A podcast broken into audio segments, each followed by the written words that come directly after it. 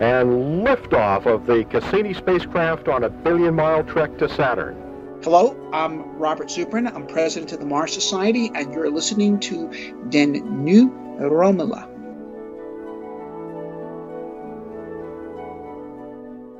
Ude i det ydre solsystem findes en sælsom måne. Den vandrer rundt i sin bane om gasplaneten Saturn og gasplanetens ringe af fine ispartikler og de små ismåler.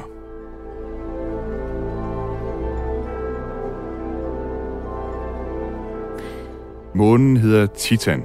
Den er svøbt i en gullig og tyk atmosfære. Ved Nordpolen regner det, og der er søer, men de ikke er vand. Den kan være et, det kan være et slags billede af jorden, sådan som jorden så ud engang i det tidlige solsystems historie. Vi mennesker har kun besøgt månen én gang, men NASA vil tilbage til Titan, og denne gang skal det være med tungt i sin kram. NASA bygger en atomdreven drone, der skal flyve rundt i Titans gullige atmosfære. Du lytter til den nye rumalder på Radio 4 med mig, Thomas Schumann, og i dag skal du med ud til Titan og høre om missionen Dragonfly, en af de, for mig at se, vildeste missioner nogensinde, og som jeg ser helt vildt meget frem til at følge med i.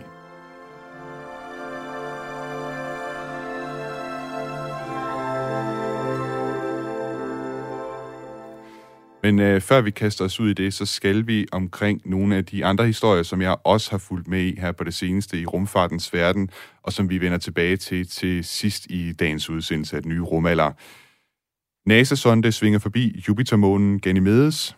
Verdens rigeste person flyver i rummet på sin egen raket, og han tager sin bror med. Pentagon vil bruge Elon Musks kæmpe raket til at sende forsyninger fra den ene ende af kloden til den anden på få minutter. Jeg kan sige velkommen nu til de gæster, som jeg har med i dag for at tale om Titan. Velkommen til dig, Ole J. Knudsen, kommunikationsmedarbejder ved Stellar Astrophysics Center. Ja, tak skal du have. Og velkommen til Mads Gillings Jørgensen, masterstuderende på astronomi på Aarhus Universitet, og så i øvrigt også foredragsholder i, uh, ud i Titan og Dragonfly-missionen. Velkommen til dig. Mange tak. Men uh, før vi helt kaster os over Titan, så er der en ting, som sker i dag, øh, oppe på himlen, op over Danmark, som jeg synes, vi bliver nødt til at lige tage fast, øh, fat på først. Kan du ikke prøve, øh, Ole, at fortælle os, øh, hvad er det, man kan se op, øh, op på himlen i dag? Ja, det kommer i den grad an på vejret, ligesom alt, hvad der har med astronomi at gøre. Hvis ikke vi lige sender dimser ud til at måle derude, så kan der jo altså komme skyer, og det øh, er der også en risiko for i dag. Men der er under alle omstændigheder solformørkelse. En hvad vi her fra Danmark vil kunne se som en delvis solformørkelse, øh, en partiel solformørkelse kalder man det også, og kommer man længere over øh, i den nye verden, øh, og op til det nordvestlige Grønland især, så er solformørkelsen ringformet, og det er en lidt speciel form for solformørkelse. Hvornår, hvornår er det på dagen i dag, at øh, vi vil kunne se den her solformørkelse? Øh, det spændende starter 11.33 dansk sommertid. Så altså lige efter udsendelsen her, mere eller mindre? Simpelthen ja. ud og kig øh, med de begrænsninger, vi kommer ind på lige om et øjeblik. Fordi man skal ikke bare stå og glande op, så får man dårlige øjne eller ødelagt øjne, og det kan vi jo ikke have. Det være, vi skal tage det først. Hvad er det, man skal være opmærksom på, når man skal se på en solformørkelse? Man skal altid være opmærksom på, at hvis man ser på solen, især med kikkerter eller igennem kamera eller andet optik, så ødelægger man sine øjne i løbet af mindre end en tiendel sekund, og de ødelæggelser, der kommer på nethinden, er uoprettelige. Det er altså ikke specielt farligt at se på solen under en solformørkelse. Der har vi, ligesom øh, den gamle LO-formand sagde, som astronomer i årenes løb nok sejret af helvede til, mm-hmm. fordi det hedder sig ude i befolkningen, både her i Danmark og mange andre steder, at solen er særlig farlig at se på, når der er solformørkelse. Det er den ikke. Solen er særlig farlig at se på altid, hvis ikke man har de rigtige filtre for øjnene. Og der er kun én slags rigtige filtre, øh, medmindre man er specialist. Så det gælder altså om at have de her solformørkelsesbriller på, når man kigger op. Hvad er det så, hvis man har det rigtige udstyr, og man ikke øh, brænder nethinden af? Hvad er det så, man vil kunne se, øh, der sker med solen i dag? Så, man, så vil man kunne se, at der bliver taget en bid. Øh, den bid, der bliver taget, altså hvor månen den øh, passerer ind foran solskiven, øh, det er det, der starter 11.33. Og biden, der bliver taget, bliver så større og større og øh, bliver øh, 21 procent, set her fra, fra midt i Danmark. Og det er klokken 12.41, og så tager det af igen, og så er formørkelsen slut 13.51. Jeg tænkte, vi bliver simpelthen nødt til lige at komme rundt om det i dag. Øh, bare sådan, at folk de ikke glemmer at tage ud og se øh, den her solformørkelse i dag. Selvfølgelig med det rigtige udstyr, sådan at man ikke øh, skader sine øjne. Præcis. Men øh, det er ikke solformørkelsen, som vi som sådan skal beskæftige os med i dag. Liftoff. We have a liftoff. 32 minutes past the hour. Liftoff on Apollo 11. For i dag der skal vi beskæftige os med Titan og den udforskning, som der har været af Saturns måne Titan og den udforskning, som er på vej. For mig at se, så er Titan nok en af de mest spændende og mystiske himmellegemer i solsystemet. Det er en ud af 82 måneder, der kredser om solsystemets 6. planet, Saturn, som i sig selv er interessant på grund af dens flotte ringe. Titan er større end vores egen måne, og så er det endda større end planeten Merkur. Så den eneste grund til, at vi kalder Titan for en måne, det er fordi, den er i kredsløb om den vældige gasplanet Saturn. Det er koldt på Titan. Månen er cirka 10 gange længere væk end fra solen, end jorden er, så gennemsnitstemperaturen er helt ned på 100, minus 179 grader Celsius. Alligevel så har den en tyk, gul atmosfære, og det atmosfæriske tryk er faktisk en halv gang større end her på jorden. Noget, som for mig at se er det mest spændende ved Titan, det er, at det regner på månen, og at der er søer. Jorden og Titan, det er de eneste kloder i solsystemet, som vi kender til, der har søer på overfladen. Mads, øh, hvis vi forestiller os, at vi sidder i en flyvemaskine over overfladen øh, på Titan, hvad vil vi så kunne se, hvis vi kigger ud af vinduet? Jamen, altså man kan sige, hvis vi, er, hvis vi er langt nok oppe, så kan vi jo ikke se meget, fordi den her atmosfære er meget, meget tyk, så vi kan faktisk ikke rigtig se igennem den. Øhm, og som vi ligesom bevæger os på vores rejse ned igennem atmosfæren, så vil der begynde at udbrede sig det her billede af en meget, øh, jeg plejer at sige, det meget øh, alien-lignende verden, altså fordi den er meget det, vi forestiller os fra, fra science fiction. Øhm, så vi vil se, at den har bjerge, som vi også øh, kender her på jorden, eller i hvert fald noget, der kunne minde om det. Den har de her ørkenområder, øhm, og så har den jo de her øh, floder og søer af metan, som jo virkelig er øh, hvad skal man sige, meget interessant, fordi det er det eneste andet læme, vi har fundet i solsystemet, hvor der er det her øh, stabile væske på overfladen. Ja, det er nemlig det, der er væske på overfladen, men du siger, at det er flydende metan. Det er altså ikke øh, vand, man ser i de her søer. Ja, ja, lige præcis. Det er, det er flydende metan og etan, så øh, hovedsageligt af, hvad vi ved lige i øjeblikket i hvert fald. Øhm, så det er ikke ligefrem noget, man har lyst til at tage på badeferie i. Det, det, det, det er ret koldt og ikke, ikke særlig Det vil måske være svært at svømme i. i ja, ja, ja, lige præcis, lige præcis. Og hvordan kan det være, at det, det er lige præcis er flydende metan, der er i, i de her søer, og ikke, og ikke flydende vand? Jamen altså, det har jo, hvad skal man sige, det har jo noget at gøre med, øh, med tryk og temperatur på, øh, på titan. Altså så grunden til, at vi kan have det her, hvad skal man sige, cyklus af vand, vi har på jorden, har jo noget at gøre med, at vi ligger lige den rigtige temperatur og tryk for, at vi kan have både flydende, øh, flydende vand, og det kan også øh, netop fordampe til, til skyer og så regne ned igen.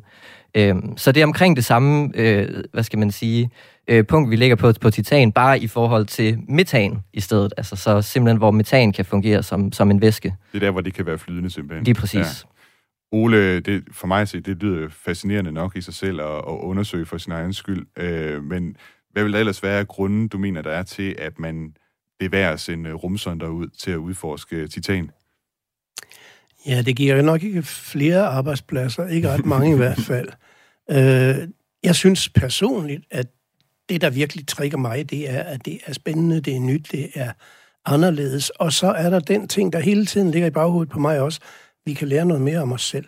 Hvordan det? Kan, det kan vi, fordi vi kan lære noget om, hvordan vi er opstået. Vi kan lære noget om, hvordan solsystemet er opstået. Vi kan lære noget om, hvilke betingelser, der var til stede, som har gjort, at vi to, vi tre, kan sidde og snakke sammen her en, en, en, en, en dejlig øh, solskinsdag. Øh, ikke sådan, at vi kan regne fra det ene dengang til nu, eller fra Titan og hertil, men grundbetingelserne får vi noget at vide om på øh, de mest ekstreme steder i solsystemet, og der må man vist sige, at, at øh, Titan er et af de mest ekstreme steder. Mads, jeg har, jeg har, fået, jeg har læst mig til, at, at Titan ligesom på en eller anden måde skulle minde om jorden i, sådan, i sin tidlige udvikling. Hvad, hvad ligger der i det? Jamen altså, det har, jo, det har jo rigtig meget at gøre med den her atmosfære, som vi har. Øhm, fordi på Titan, det der gør, at vi har den her ligesom, hvad skal man sige, orange øhm, atmosfære, Øhm, det er fordi, der foregår nogle processer, som, som laver de her organiske stoffer, som man kalder det, øhm, som egentlig er nogle molekyler med øh, kulstofbindinger. Jeg tror, når, når du siger organiske, så skal vi måske lige øh, ved, ja. øh, forklare, det betyder ikke, ikke at der liv. er liv. Ja. Nej, lige præcis. Men... Det, den kan nemlig godt snyde, for man kan godt forestille sig, at så snart man siger organisk, så tænker man liv. Øhm, men den er ekstremt vigtig, fordi det er en af de, altså det er de absolute byggest, øh, grund, grundlæggende byggesten, vi har til liv øh, som vi kender det. Øh, så, så det er jo det, der er virkelig interessant ved, ved Titan, at den kan måske have nogle af de processer i atmosfæren, øhm, som vi forventer, der har været i den, i den tidlige jord. Altså nogle af de ting, som øh, har kunne bygge op til netop, at vi har kunne lave sådan noget som DNA og proteiner, som jo er meget, meget øh, grundlæggende for liv, kan man sige. Og så er jeg også hørt en anden ting, som, som jeg synes er, er interessant øh, ved Titan. Det er, det er jo en forholdsvis Øh, altså nu, nu består den meget af is, så den, den er meget, meget let. Altså tyngdekraften er meget, meget let, og den er, ikke, den er forholdsvis lille også i forhold til jorden i hvert fald.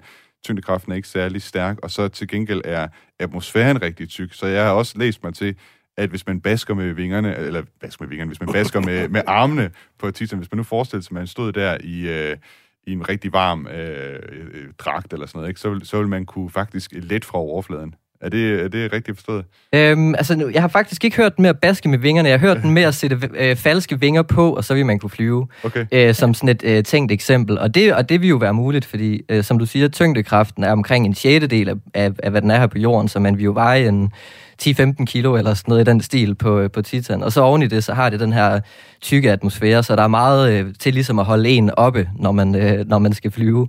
Så, så i hvert fald med vinger, der, der vil det kunne lade sig gøre. Øhm, med armene, den der, det, det, det, ved jeg, det ved jeg sgu ikke helt, om man jeg tror, flytter. Jeg tror, du skal have lidt mere overflade. Ja. Man skal have mere overflade, Ja, det tror jeg. Okay. Men, men øh, altså, man regner med, i forbindelse med den rumsøjne, vi skal snakke om om lidt, at, øh, skal vi sige, den effekt, den motoreffekt, der skal til for at flyve på Titan, er cirka en 40 20 del.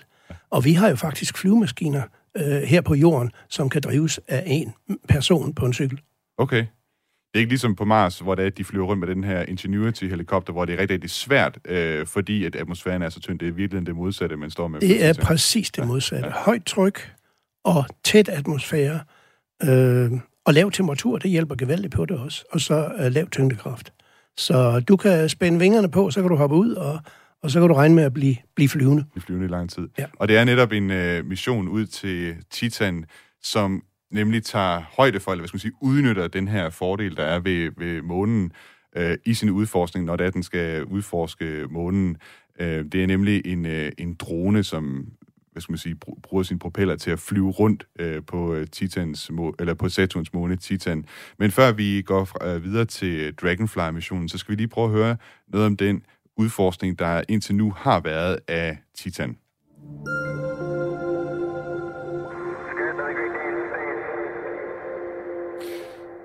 Ja, øh, jeg laver lige en kort overflyvning her af, hvad der har været af udforskning af både Saturn og Titan.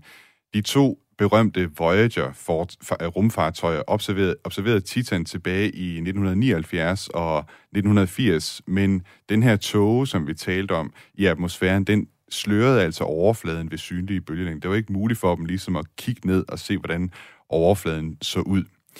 I midlertid, øh, så, så vil man sige, øh, overfladen forblev altså et mysterium indtil juli 2004, da NASA's øh, Cassini-rumfartøj ankom til Saturn-systemet. Rumfartøjet blev sendt afsted den 15. oktober 1997 og ankom altså til Saturn den 30. juni 2004 med det fokus at finde tegn på sæsonbestemte ændringer, vulkansk aktivitet og indsamle information om Saturns ringe. Ved ankomsten der fremkoblede Cassini-rumsonden landingsmodulet Huygens, bygget af det europæiske rumfart og øh, det europæiske rumfartagentur. Huygens-sonden den landede via faldskærm den 14. januar 2005. Cassini blev sidenhen ved, ved med at udforske Saturn og Titan frem til 2017, hvor dens brændstof var ved at slippe op, og NASA besluttede at lade den styrte ned i Saturn, så den ikke ved et uheld skulle styrte ned på enten Titan eller månen Enceladus, hvor man tænker, at der kan være mulighed for liv. Mads, kan du ikke øh, prøve at øh, forklare lidt mere om, hvad var det Cassini Huygens øh, rummission øh, mere øh, indgående gik ud på? Jo, altså det var jo netop det her med at, at løfte sløret for den her meget, øh, hvad skal man sige, specielle måne. Øh, så så der, der kom virkelig den her, øh, hvad skal man sige, øh, der var rigtig mange i, der i, allerede fra 80'erne og fremad, som begyndte at være virkelig interesseret i det. Øh, og vi har også nogle personer som Carl Sagan for eksempel, som var inde og, og netop undersøge Titan på grund af den her atmosfære, som jo virkelig var interessant. Øhm, så, så det handlede jo netop om at få, øh, få, hvad skal man sige, få noget mere data på alt det her omkring, hvordan det så ud. Øhm, og da vi så kom derop der i, i 2004, så begyndte vi jo netop at kunne se igennem det her slør, og det kunne vi jo, fordi øhm, Cassini for det første havde nogle infrarøde kameraer, og det her infrarøde lys kan nemlig godt slippe i hvert fald nogenlunde igennem atmosfæren. Øhm, så vi begyndte at kunne få nogle billeder ligesom af den her overfladestruktur og de her, øhm, ja, hvordan, hvordan den her måne egentlig reelt set øh, så, så ud. Og, hvad, øhm. vidste, man, vidste man da for inden, om, om den havde de her søer på, ved Nordbrun, eller var det en total overraskelse? Øh, altså, det var jo rimelig overraskende, at øh, altså, man kan sige, fordi det er jo det, det første sted ud over jorden, hvor vi har fundet det her væske på overfladen, så er det jo, så er det jo sjældent det, vi forventer, når vi går, går ud og undersøger noget. Øhm, så ja, det var, jo, det var jo ret vildt, at, øh, at, at, at vi fandt den her væske på, på overfladen. Er der andre ting, som øh, missionen den, den lærte os om Titan, som vi ikke vidste før? Jamen, altså man kan sige, den, den lærte os jo rigtig meget i forhold til de her organiske processer, som jeg også nævnte lidt tidligere. Øhm, nemlig i forhold til, at øhm, med Voyager-missionerne der i 80'erne, eller i, i starten af 80'erne, der, der så vi, at der var det her øhm, metan i atmosfæren i hvert fald. Øhm, så vi begyndte at tænke i de her baner med, om der kunne være mere i det. Øhm, så vi fandt ud af meget mere af, hvad der var af, af, af de her molekyler, de her organiske stoffer i atmosfæren, både med Huygens og med, øh, med Cassini. En af de ting, som jeg synes er helt fantastisk at tænke på, det er, at vi jo faktisk har et øh, vækkeur, så at sige, der er lavet i Danmark, som lige nu ligger op på øh, Titans overflade.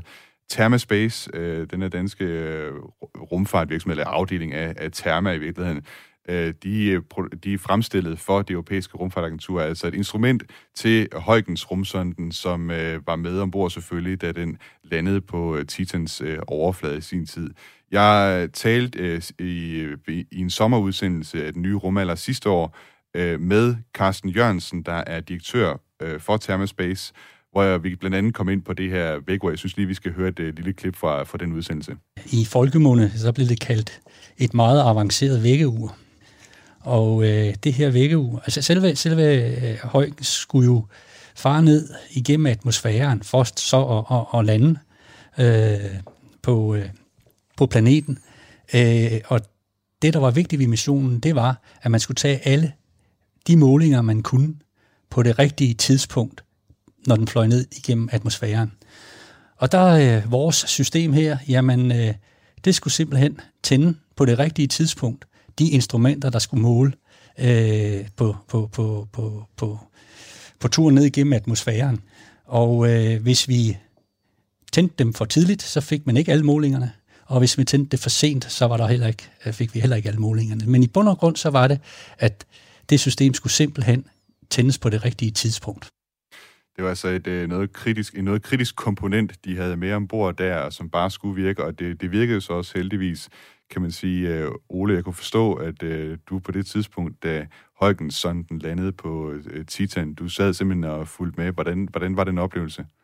Jamen, det var sådan, som man øh, står eller sidder og, og bider, bider negle og næsten øh, bider, bider tårnegle. Jeg tror, så vidt jeg husker, sad jeg faktisk på Therma i Lystrup og var med til noget pressemøde derude, mens det skete. Øh, og det var meget, meget spændende. Og Thermas del af projektet virkede fuldstændig perfekt, men der var så sandelig andre de, øh, ting, som ikke øh, virkede helt perfekt. Øh, den der rumsonde på vej ned igennem atmosfæren, der skal den rotere for at kunne holde balance. Og det har man indbygget i timingen meget, meget præcist. Og så viser det sig af forskellige årstager, som man først finder ud af bagefter, at den kommer til at rotere den modsatte vej rundt. Men heldigvis med samme omdrejningshastighed. Øh, og der var også et øh, elektronisk relæ, der svipsede på et tidspunkt, så vi mistede 350 billeder okay. øh, på vej ned. Altså, vi fik 350 billeder, men de, de resterende øh, gik tabt ud i verdensrummet. De er aldrig kommet ned. Så de, fiser rundt et eller andet sted? De fiser rundt et eller andet sted, ja. øh, men, men vi fik et godt overblik, og der ja. findes nogle dejlige film af landingen, og der er også lidt kedelige billeder, vil jeg sige, efter landingen, fordi øh, der var jo ikke nogen bevægelse at se, men der er taget øh, omkring 70 billeder, øh, som så bare ser dødhammerne ens ud. Ja.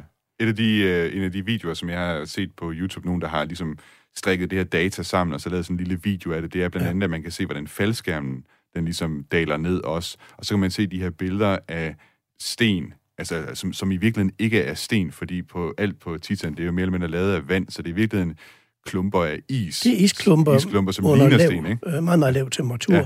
Øh, is, som er knaldhårdt, som er en, en anden slags is, end det vi kender. Så det, vi omtalte før som bjerge, det er altså isbjerge, Det er alt sammen men, simpelthen- men ikke nogen, man skal sammenligne med dem, som, som isbjørnene lapper rundt på. Nej. Og så vil jeg godt sige en ting mere, fordi ja. nu, har vi, nu har vi snakket om, om metan og etan. Det er jo ikke sikkert, at alle ved lige, hvad det er. Nej. Det er naturgas. Ja. Det er flydende naturgas. Det er det, der skvulper rundt inde i kosan, øh, hvad hedder det, øh, gasflasken, når man render rundt med det. Men det har ikke nogen øh, biologisk oprindelse. Det har en, en øh, hvad skal man sige, en anden oprindelse. Jamen, hvordan er det så kommet til? Altså i Titans atmosfære? Jamen, det er en af de ting, vi meget, meget gerne vil vide. Ja. Øh, der, altså, det kommer jo af, at der er det her kredsløb. Øh, der er varme, som stråler ud fra det indre af, af månen. Øh, og så det, som vi snakkede om før, Mads nævnte, at det regner. Det, det regner med, det er kulbrinter. Det vil sige, det er byggesten til, til polypeptider og til aminosyre og den slags ting øh, til liv. Ja, det er jo, når man er inde i sådan nogle kulstofforbindelser, man begynder Ja. at snakke om sådan nogle, nogle kemisk forholdsvis komplicerede forbindelser, at det begynder at blive interessant, fordi så det begynder at, at lugte lidt derhen af, af liv, måske. Ja, og det kommer sandsynligvis til at lugte ganske forfærdeligt, fordi det kommer nok til at lugte lidt af at stå øh, i, i læsiden af, af en benzintank eller sådan et eller andet i den retning der. Hvis man tog masken af på... Ja, på, ja på et kort Titan. øjeblik. Jeg kan ja. ikke råde dig til at, at Nej. gøre det længere tid, fordi der er jo altså de her cirka 180 graders frost deroppe. Ja. Hvad hedder det? Men, men du siger så også, at den her Huygens rumsonde, den, altså der var nogle ting undervejs på vej ned, som gjorde, at nogle billeder forsvandt, der var noget data, der, der, der ikke blev sendt tilbage til jorden, sådan som man havde forventet. Man kan vel sige på den måde, så er det vel også på høje tid, at vi får sendt noget af stedet op, som måske kan sende nogle øh, billeder i højere kvalitet og sådan noget ned til jorden. Ja, det synes vi jo, øh, men det er der jo andre, der ikke har synes. Altså, der er en evig konkurrence om de få midler, der er. Øh, det er jo ikke sådan, at man skovler penge ud til rumforskning. Øh, langt fra. Øh, så det vil sige, at når der er øh, en idé, så skal man slås for den, og det er samtidig, man skal slås for den over for myndigheder, over for bevillingsgiver i 10-20 år, før man kan få lov til at bygge. Og det er for eksempel tilfældet med, med Dragonfly. Den har været planlagt de sidste 15 år. Hmm. Mads, det kan være, du kan prøve at sætte nogle ord på, øh, hvad, hvad er det sådan hoved, øh, de, de ting, vi, vi fandt ud af med Højgen, sådan, hvad var værdien af at få den ned på overfladen af Titan? Jamen, altså man kan sige, øh, værdien af at få den ned på, på overfladen var jo netop, at vi vil gerne have de her øh, observationer helt øh, in situ, som det hedder, altså simpelthen, hvor man er øh, ja, på overfladen her på Titan. Øh, så, så man kan sige, øh, det var jo igen det her med at, at se på alle de her materialer, se på opbygningen af planeten, øh, og se på, hvad, hvad kan man sige, hvad for nogle, eller nu siger jeg planeten, det lader jeg også mærke til, at han gjorde i interviewet før, det kommer man meget nemt til med Ti- Titan. Den minder så meget om en planet. Lige præcis, den minder rigtig meget om en planet. Det er selvfølgelig en måne, øh, men, men ja, det, det er jo netop det her med at få, få hele det her store billede af den her, øh, hvad skal man sige, tidlige jordanalog, øh, og simpelthen bare få, ja, få, få udforsket noget mere. En af de ting, som jeg også øh, sådan tænker, tænker på, når jeg tænker på Højgens rum, sådan, det er nogle af de der billeder, den tog, mens den dalede ned, og hvor man ser de her, øh, det ligner fjorde og sådan noget. Fjorde, altså, flodlejre. Ja. Øh, standardbilledet, øh, selvom det kun var i sort-hvid første omgang, er jo simpelthen sådan et delta, som løber ud i et fladt område, der hvor den faktisk landede, hvor det viste sig, at det var så forholdsvis tørt, men det kan være sæsonbetinget. Det ser meget, meget sådan øh, jordlig Det ud. anden ser måde. så jordisk ud, så jeg tænkte, det er løgn det her, der er nogen, der har sat et andet billede ind simpelthen. Hvad tænker du, hvad sætter det i gang af tanker og sådan øh, fantasi hos dig, Mads? Jamen, altså helt vildt meget. Jeg synes jo, det er, det er jo en total uh, science fiction drøm, at vi skal op og, og kigge videre. Og nu ved jeg også, Dragonfly, når den kommer op, har jo virkelig en, sådan en god kamera uh, suite med, så vi kan få taget nogle gode billeder og sådan noget. Så det er også noget, jeg ser rigtig meget frem til at få. Det er virkelig sådan noget, der tænder den indre science fiction drøm, må man sige.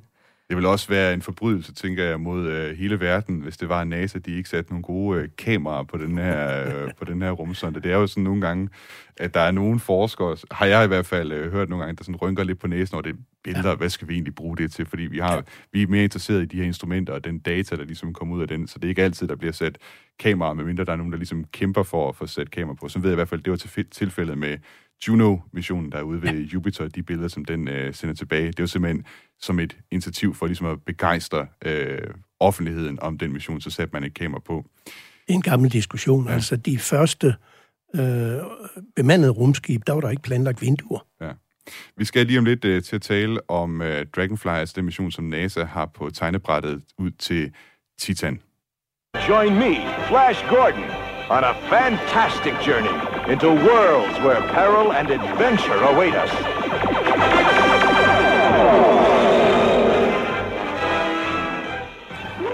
Du lytter til den nye rumalder på Radio 4 med mig, Thomas Schumann, og i dag er vi dykket ned igennem den gule tåge på Saturns måne Titan. Vi skal nu kigge på den mission, som NASA har på tegnebrættet, og som de er ved at arbejde på nu, der skal tage ud til Saturns måne Titan for at udforske den yderligere, altså prøve at hvad skal man sige, gøre os endnu klogere på, på månen, som, øh, hvor der stadig er en del ting, vi endnu ikke ved om den anden mulighederne for måske liv øh, på den her måne. Dragonfly, som missionen hedder, det er en atomdrevet drone, der altså skal flyve rundt øh, på øh, i, i, i Titans atmosfære. Øh, simpelthen udnytte den fordel, det er, at tyngdekraften er lavere, og atmosfæren er tykkere, sådan som vi også talte om lige før. Den her drone, den er altså 3 meter lang og 3 meter bred, og den skal lande i de ekvatoriale dele af planeten, i det, der hedder Shangri-La. Øh, det er nogle klitmarker, der minder om klitterne i Namibia i det sydlige Afrika, inden den så flyver videre fra øh, det til nogle andre områder, Øhm, og, og den skal lave nogle flyvninger på cirka 8 km af gangen, og så stopper den ellers undervejs for at tage prøver fra øh, interessante steder. Denne mission, den er regnet NASA med at vil bare cirka 2,7 år, men nogle gange har de her missioner det med at bare noget længere. De, de har det med at være gode til at bygge deres, øh, deres isenkram. Øhm, Mads, øh, kan du øh, prøve at fortælle mig lidt mere om, hvad, hvad er det for nogle ting, som NASA de er interesseret i at finde ud af med Dragonfly-missionen? Ja, altså de har jo øh, tre sådan, hvad skal man sige, hovedmål med, med missionen. Øh, det første er at lære mere om den her atmosfære, som vi jo også har snakket om. Der er en masse processer der i, som, hvad skal man sige, det udstyr, som vi havde med på øh, Cassini og Huygens, det har bare ikke været helt godt nok til at finde alle de ting, som vi gerne ville. Så der er nogle ting i atmosfæren, vi gerne vil kigge nærmere på med noget bedre udstyr. Øhm, så har de et mål om at kigge mere på, på geologien, altså hvad skal man sige, selve overfladen, og der er noget seismisk aktivitet, vi godt kunne tænke os at kigge på, se om der er det for det første. Se om der er jordskæld, kort sagt. Lige øh, præcis, øh, ja, præcis. Ja. Øhm, og så det sidste mål, det er jo netop at kigge på det her med habitabilitet. Altså kunne man forestille sig, at øh, det her er et sted, hvor der på en eller anden måde kunne, kunne være noget liv. Og jeg tror ikke, der er nogen, der som sådan forventer, at vi kommer derop og finder liv, fordi det, det gør man jo aldrig i de her sager, fordi indtil videre kender vi kun det på jorden. Men det er jo om ikke andet virkelig interessant at se på den her, den her verden og se, om, om, om der kunne være mulighed for, for et eller andet interessant der. Jeg tænker også, at når, når det nu er en planet, der er så kold, minus 175 øh, graders øh, gennemsnitstemperatur, altså hvordan er det overhovedet, man forestiller sig, at der skulle måske kunne være liv, øh, kunne være liv der? Jamen altså, jeg tror, min, øh, min, min øh, astrobiologi-vejleder vil nok sige, jamen det, altså, det gør man nok ikke så meget. altså, øh, han, han slår tit meget hårdt ned på, at det er, det er ikke det, som biologerne forventer, når vi kommer derop, fordi det er så markant anderledes end det, vi kender til. Og så kan man sige, selvfølgelig kan man altid forestille sig de her meget øh, science fiction-scenarier, hvor liv kan være hvad som helst. Øh, men liv, som vi kender det, vil nok ikke kunne fungere øh, på, på Titan, så det skulle være noget, der var meget anderledes, end, end, end hvad vi kender til.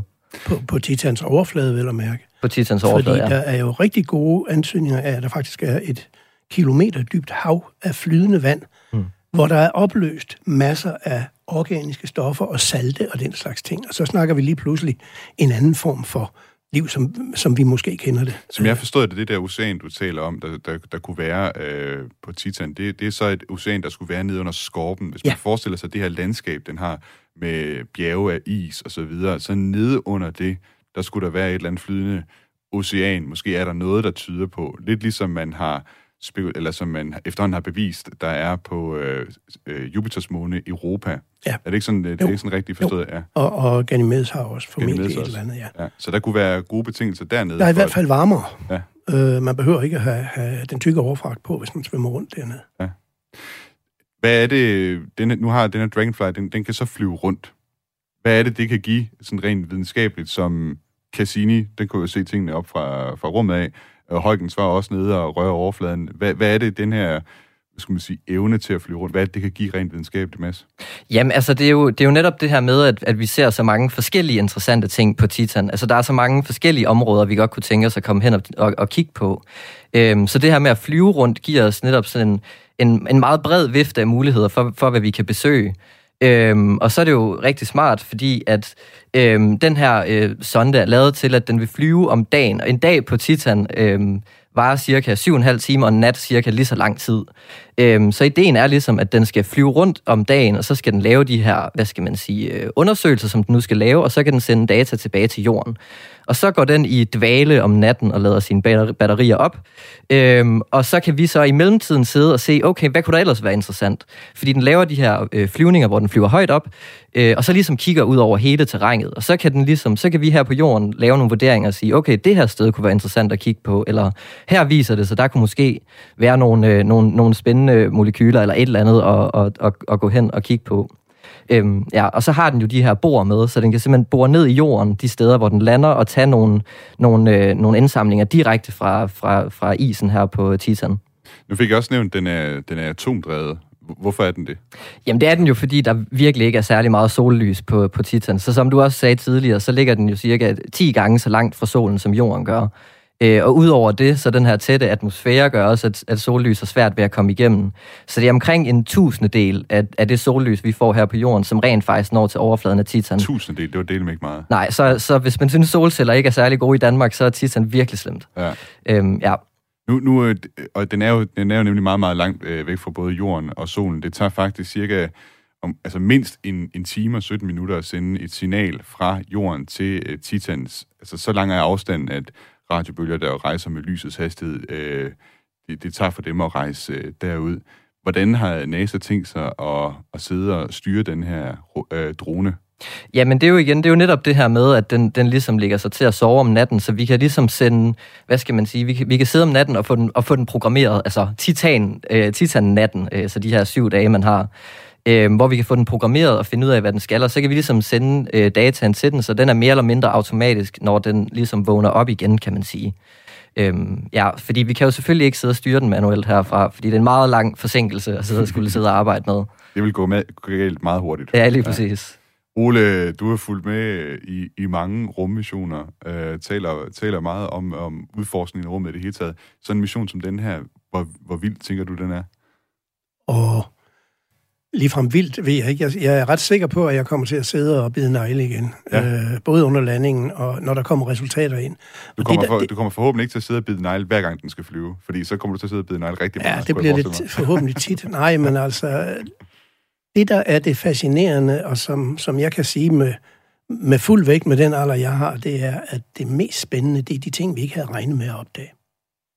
Og der, der indregner man, men det er jo pokker svært at få penge fra de bevilgende myndigheder til øh, et eller andet instrument. Det kan være teleskop, øh, det kan være øh, Dragonfly her, øh, på forventet efterbevilling af ting, som vi ikke kan fortælle, hvad er.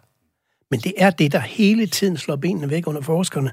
Det er det, der hele tiden, altså som, som jeg tror, det var Carl Sagan, der sagde på et tidspunkt, øh, inden han desværre døde, at der findes ikke noget som en øh, uinteressant måne i solsystemet.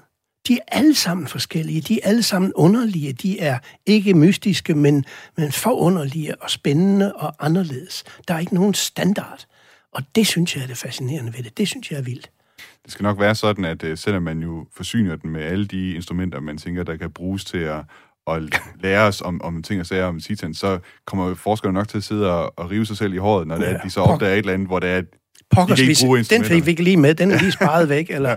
eller man har valgt, øh, som du nævnte før, øh, et par ekstra kameraer i stedet for et måleinstrument.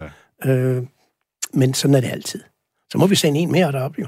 Jamen, det, der er ikke andet for, tænker jeg, simpelthen at sende, sende noget mere derop. Og det er jo også, man kan sige, med udforskningen af, af Mars, det er jo også den konstante nye viden, som vi har fået om den planet, og historien om, om vand på overfladen på Mars, ja. som har været med til at, at gøre det relevant lad os sige, for, for NASA at blive ved med at, at smide penge efter at, at udforske, udforske Mars og sende missioner afsted. Ja, og så har man jo især med Mars, men også lidt med Titan, øh, den der idé, der sælger billetter i offentligheden og hos politikerne, den der idé med, at det kunne være, der var liv. Det kunne være, der havde været liv engang. den sælger altså rigtig godt.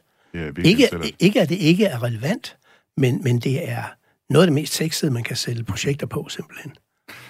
Jeg kan sige, at uh, Dragonfly efter den oprindelige plan skulle opsendes i 2026 og så ankom i 2034, men uh, desværre på grund af corona, så er missionen udskudt til 2027, altså opsendelsen af den. Uh, og jeg ved ikke lige, hvad det betyder for ankomsttidspunktet, om, uh, om det har nogen indvirkning, men det skal jo gerne passe, hvordan planeterne de står i forhold til hinanden.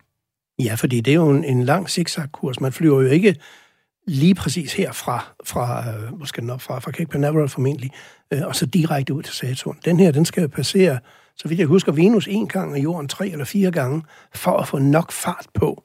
Fordi de raketter, vi har til rådighed i dag, det er sådan nogle små øh, forkølede kinesere, som ikke rigtig har ret meget kraft.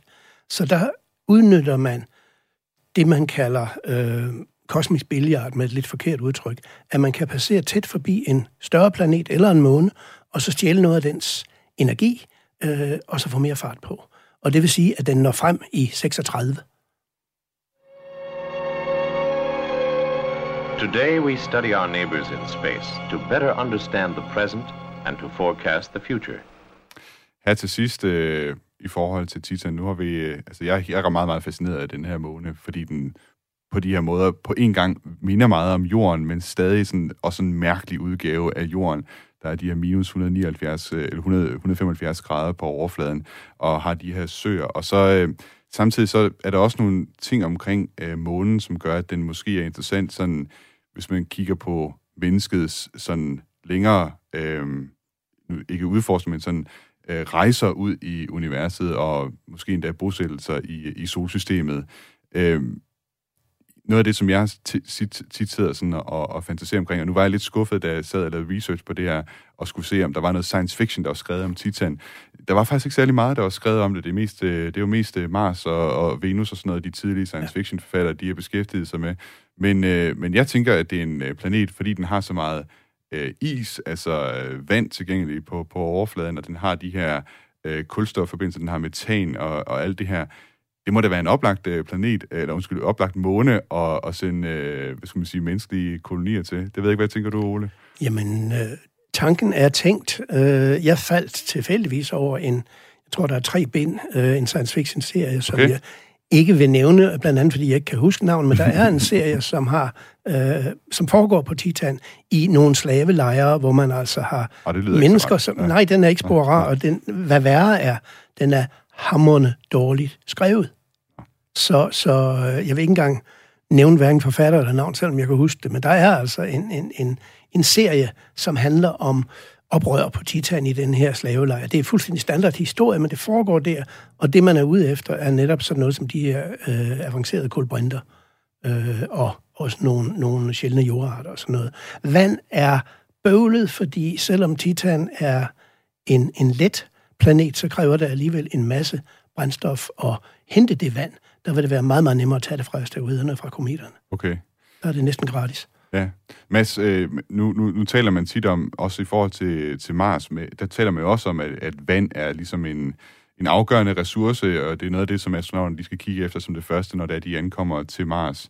Øh, er det ikke noget, man ville kunne udvinde, hvis man nu forestiller sig, at man vil, man vil slå sig ned på Titan, øh, at, man, at man der vil have adgang til, til rigeligt med vand? Øhm, jo, altså det kunne man jo godt forestille sig i og med, at det er en, hvad skal man sige, en, en, en overflade af is. Mm. Øhm, ja, nu ved jeg ikke, hvor meget energi man skulle bruge på, øh, på at få det her, hvad skal man sige, til, til vand, vi rent faktisk ville kunne, øh, kunne bruge til noget. Øh, og som Ole også siger, at så, man kan sige, at vi er så langt ude, man har rejst så langt, måske skulle man bare tage noget fra nogle asteroider.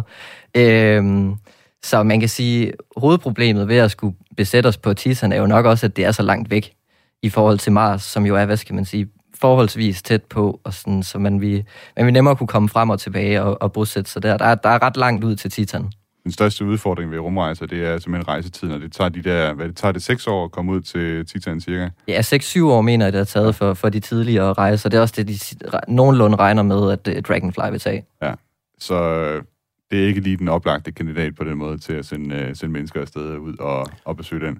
Ikke forløbig. Ikke forløbig. Men der er jo altså vulkaner, formentlig. Kryovulkaner, det vil sige, de sprøjter vand og is okay. længere nedefra. Ja. Øh, der er i hvert fald øh, en vis seismisk, akti- akti- hvad hedder den, seismisk aktivitet, altså jordskæld, øh, kan man se fra, fra, øh, fra Cassini.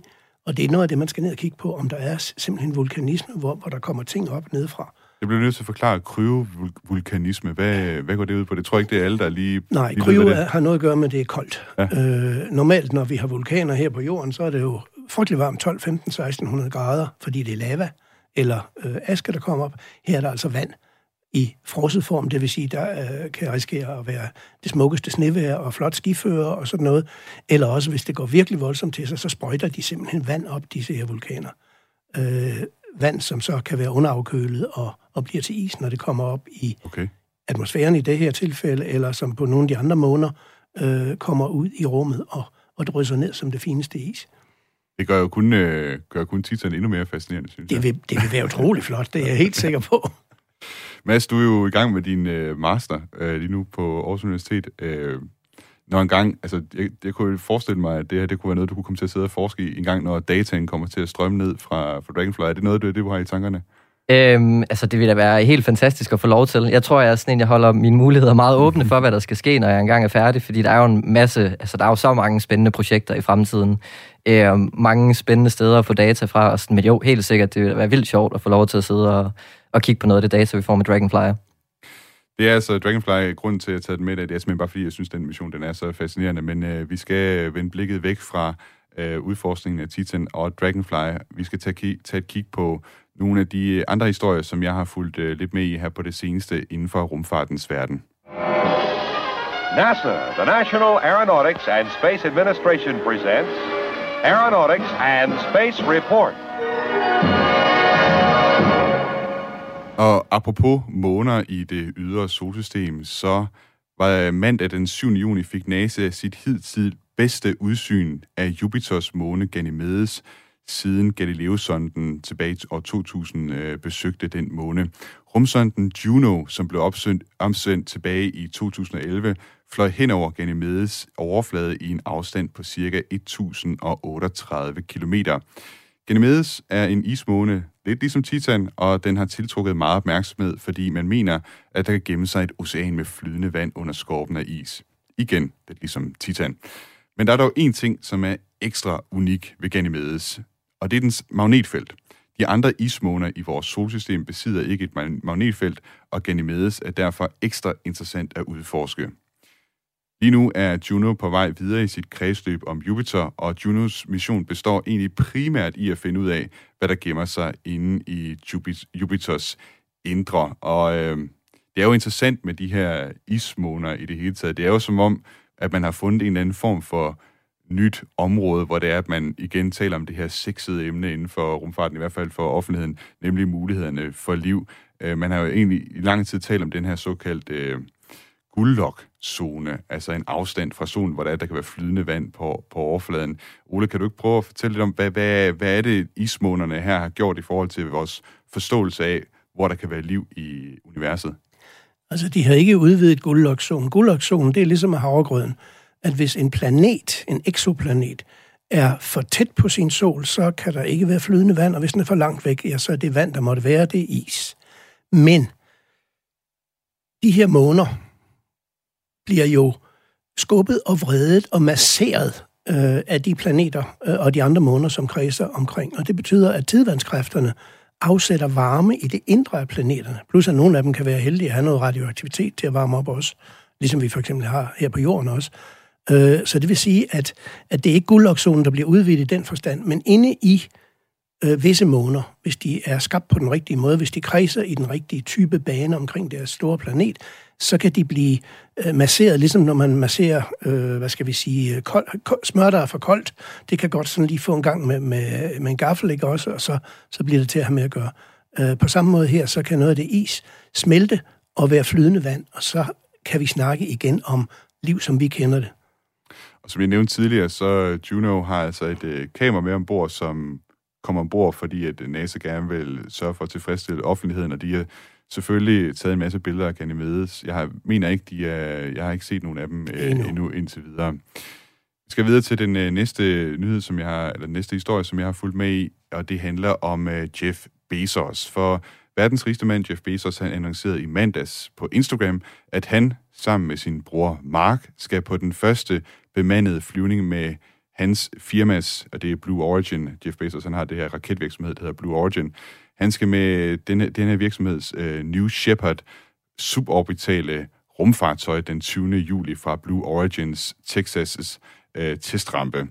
Øh, det her New Shepard, øh, altså det er egentlig en rumraket, ikke, som flyver lige op i luften, øh, lige op over, hvad skal man sige, atmosfæren, og så falder den ned igen. Det er cirka 100 km op.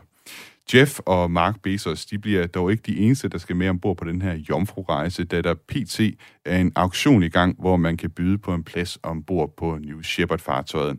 Prisen er pt. 2,8 millioner dollars, hvilket svarer til 18 millioner kroner.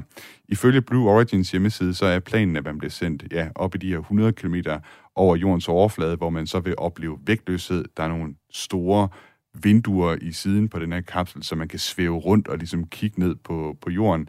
Og så vil øh, den her kapsel ellers falde ved hjælp af tyngdekraften ned til overfladen, og så øh, med en faldskærm lande blødt. Og jeg har talt med Radio 4's ledelse. Desværre så vil de ikke øh, tilbyde at, at byde, så jeg kunne få en plads og, og lave øh, live radio fra, fra kapslen her. Øh, Mads, øh, jeg ved ikke, altså nu, nu en af de grunden til, at jeg sådan er blevet meget fascineret med rumfart, tror jeg lige nu, det er jo også, fordi der sker mange af de her ting. Altså, der er meget øh, også privat interesse i rumfart, og, og hvad skal man sige, forandrer måden, vi har adgang til rummet. Er det noget, der også øh, fascinerer dig, sådan noget som øh, Blue Origin her? Ja, det er det helt bestemt. Altså, jeg synes jo, hele ideen om at få, hvad skal man sige, helt almindelige private mennesker ud og se jorden udefra er øh, vildt, vildt interessant. Jeg er måske ikke så meget for den idé med, at det skal koste så mange penge at få sendt folk op, fordi det har også en vis bias i, hvem, hvem der får lov til at opleve det her. Øh, men jeg synes jo, det er fedt at få muligheden, jeg ville ønske, at jeg selv kunne få lov en dag til at, til at komme op og se vores planet opfra. Hvem ved, det kan være en dag, at de får prisen så langt ned, at det er, det er sådan en forlystelsestur, man øh, måske øh, ikke skal betale alt for meget for. Vi springer videre til en anden øh, rig øh, amerikansk øh, rumfart øh, entreprenør, øh, nemlig Elon Musk. Det amerikanske luftvåben er begyndt at undersøge, om de kan bruge kæmpestore genanvendelige raketter, ligesom Starship, som SpaceX er ved at bygge i Boca Chica, Texas. Og for dem, der følger med i programmet, vil vide, at SpaceX er Elon Musks raketvirksomhed. Og det, som det amerikanske luftvåben vil bruge det til, det er altså simpelthen at transportere forsyninger rundt til alle steder i verden. Projektet hedder Rocket Cargo, og det er et eksperimentelt projekt, som ledes af den, det amerikanske Space Force. Det amerikanske luftvåben har efterspurgt 50 millioner dollars, altså cirka 300 millioner kroner til deres 2022-budget, for at kunne fortsætte deres forskning med privatfirmaerne SpaceX og Exploration Architecture Corporation. PT er SpaceX Starship den eneste genanvendelige raket, som udvikles til netop det her projekt, og det anslås, at Starship vil kunne transportere mellem 30 og 100 tons forsyninger til hvilket som helst sted på jorden, man, måtte sende, man vil have lyst til at sende det hen på cirka i hvert fald 50 minutter. Sammenlignet så tager det en øh, C-17 Globemaster 3, et amerikansk tungt transportfly, som flyver med omtrent 800 km i timen. Det vil tage den 12 timer at flyve fra Kalifornien til den japanske ø Okinawa. Og derfor så er det tydeligt, at det vil være en gunstig opgradering for det amerikanske luftvåben, og det handler jo simpelthen om at kunne sende noget afsted øh, rigtig, rigtig hurtigt. Jeg ved ikke, hvad, hvad tænker I om den her måde at, at bruge de her raketter på? Altså, der er de fleste, som er begejstrede for Starship, jeg ved mig selv inklusiv, det er jo for mulighederne i blandt andet at sende mennesker til Mars, og for så vidt også at kunne sende endnu større nyttelast i rummet. Men jeg ved ikke, hvad, hvad tænker I om, uh, Ole, hvad tænker du om at bruge den til et militært formål? Det bliver noget dyrt gods. så det vil sige, det er i hvert fald noget, der skal have meget, meget høj prioritet. Ja. Og ideen om at sende post med raketter, den er jo altså tilbage fra 1700-tallet. Den er slet ikke Øh, og den, den er aldrig slået an. Nej. Øh, men, men lad os se, hvad der kommer ud af det, fordi hvis der er penge i det for dem, der skal bygge raketterne, øh, og hvis der er et formål, som er bedre, eller en, en måde at gøre det på, hvis det er en måde at gøre det på, en, som er bedre end de andre, øh, der skal jo ikke nogen landingsbane til, for eksempel. Der skal bare en helikopterplatform, øh, som der jo er mange steder efterhånden, eller et fladt stykke, øh, så kan det da godt være. Øh, noget af problemet er jo, selvom raketterne er genanvendelige, så skal de jo altså have det meste af en rumbase der, hvor de skal starte fra igen. Ja. ja, der skal være noget, der skal være noget infrastruktur for, ligesom hvor at de kunne sende kommer hen. Tilbage, altså, ja. du kan ikke ja. sende dem op øh, øh, i Tibet, Højland, et eller andet tilfældigt sted, hvor der er, har været et jordskæld eller et eller andet. Og jeg kan sige, det er jo også, uh, SpaceX har jo også solgt den her Starship-raket uh, som et transportmiddel, altså for almindelige passagerer i virkeligheden, som konkurrence mere eller mindre til førsteklasses uh, flyrejser, hvor man altså tager den her meget, meget hurtige tur, fordi man kan rejse ud af atmosfæren, og så øh, lige så, cirka lige så hurtigt, som øh, rumstationen flyver rundt om jorden, altså rejse fra den ene ende af kloden til, til den anden og lande. Ja, men Concorde-flyene, de gik jo for lidt. Og så de du ser ikke jo... nogen stor uh, forretningsmæssig værdi i det? Jeg har ikke forstand på det, så jeg kan roligt sige nej, det gør jeg ikke. I hvert fald så er det spændende at følge med i også hele diskussionen omkring øh, den her Starship, og hvordan, øh, ja. hvordan den kan bruges. Vi skal øh, så småt til at runde af for dagens udsendelse af den nye rumalder. Øh, jeg vil sige tak til Ole J. Knudsen, altså kommunikationsmedarbejder ved Stellar Astrophysics Center. Tak fordi du var med i dag og talte med om øh, Titan og andre ting i øvrigt. En fornøjelse.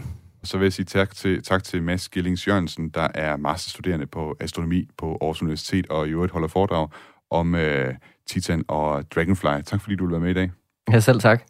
Og så skal jeg huske at sige øh, her på falderæbet, om præcis 28 minutter skal du gå ud og kigge op mod himlen med det rette udstyr, for at se øh, den solformørkelse, som øh, finder sted her i øh, Danmark i dag. Det er altså ikke øh, hver dag, at man øh, oplever det. Mit navn er Thomas Schumann. Du har lyttet til den nye rumalder, som er lavet af mig og min øh, kollega Frederik Ingemann Lyne. Hvis du kunne tænke dig at lytte med til den nye rumalder, så kan du gøre det igen på næste torsdag mellem 10 og 11. Du kan finde også på podcast på Radio 4's hjemmeside, og du kan skrive kommentarer ind til os på den nye rum, rumalder, radio4.dk. Indtil næste uge, ad Astra.